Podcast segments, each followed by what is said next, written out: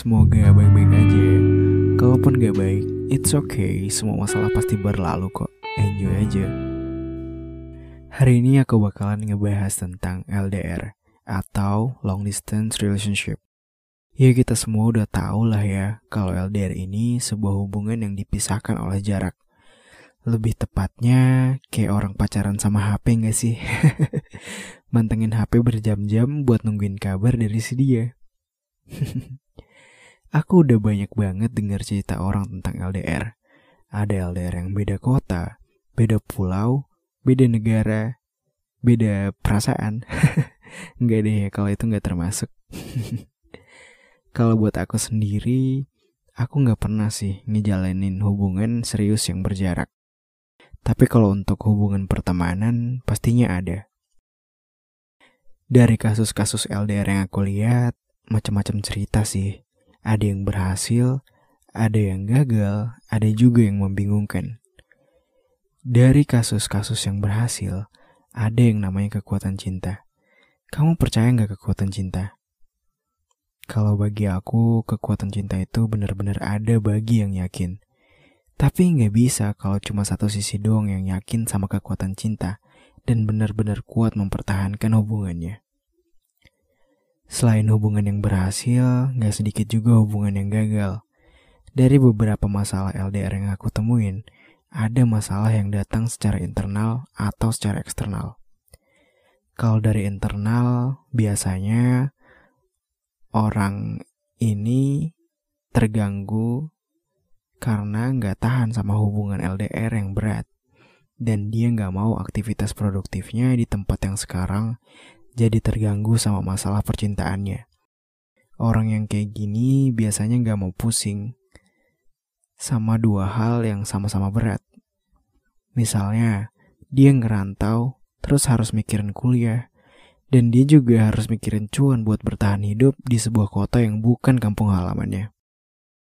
Yang kayak gini gak mau repot sih, apalagi kalau pasangannya bawel, pengen dikabarin terus 24 per 7 ya udah karena dia capek sama hidupnya sendiri terus harus mikirin anak orang juga.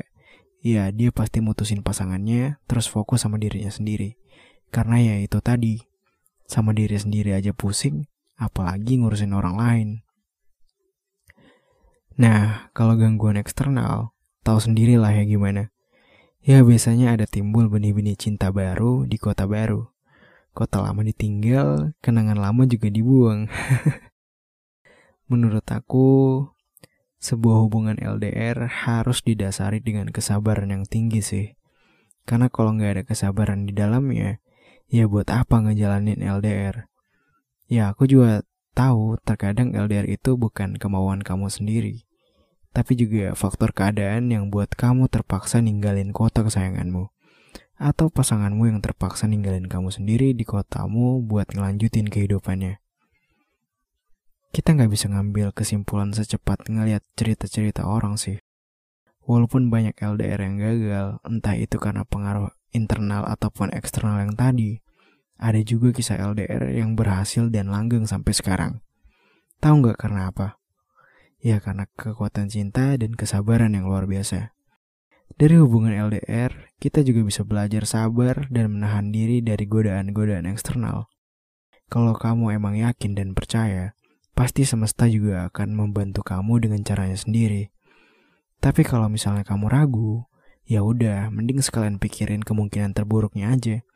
Terus ya kamu harus sudah siap-siap gimana cara kamu survive saat kemungkinan terburuknya benar-benar kejadian. Jadi biar kamu nggak hancur banget pas kejadian terburuknya benar-benar terjadi. Pesan aku buat orang yang ngejalanin LDR, Kalian harus percaya satu sama lain, harus jujur, dan juga jangan terlalu nuntut pasangan kamu buat bisa terus-terusan ngasih kabar ke kamu. Siapa tahu dia benar-benar sibuk. Sibuk sama mainan barunya. Nggak ada yang canda. Iya, siapa tahu dia beneran sibuk dan lagi fokus sama kerjaannya atau apa pun yang dia fokuskan sekarang. Kalau kamunya juga bawel, nggak percayaan, curiga terus, ya balik lagi ke masalah internal yang tadi sih pasti juga capek. Intinya perbanyak sabar sih. Kalau emang dia lagi sibuk, kamu juga cari kegiatan produktif dong. Hidup kita nggak cuma soal pasangan aja sih. Masih banyak hal-hal lain yang bisa kita lakuin. Misalnya ngelakuin hobi, memperbanyak atau memperdalam skill, atau apa kek yang intinya jangan terlalu membebani pasangan kamu aja sih kalau lagi LDR. Kalau emang udah waktunya nggak terlalu sibuk, pasti dia juga ngabarin kok. Dan buat kamu yang gak berhasil ngejalanin hubungan LDR, yang kena masalah eksternal, sekarang waktunya buat kamu kembali fokus sama diri kamu sendiri ya. Siapa tahu ini emang cara semesta menjauhkan kamu dari orang-orang yang gak setia.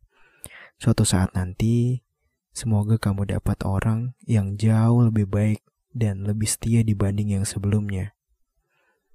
Oke, mungkin sampai sini aja podcast tentang hubungan yang berjarak ini. Semoga bisa diambil yang baik-baiknya. Ada yang gak baik, dibuang ke laut aja ya. Jangan dimasukin ke hati. Jangan lupa bahagia. Bye-bye.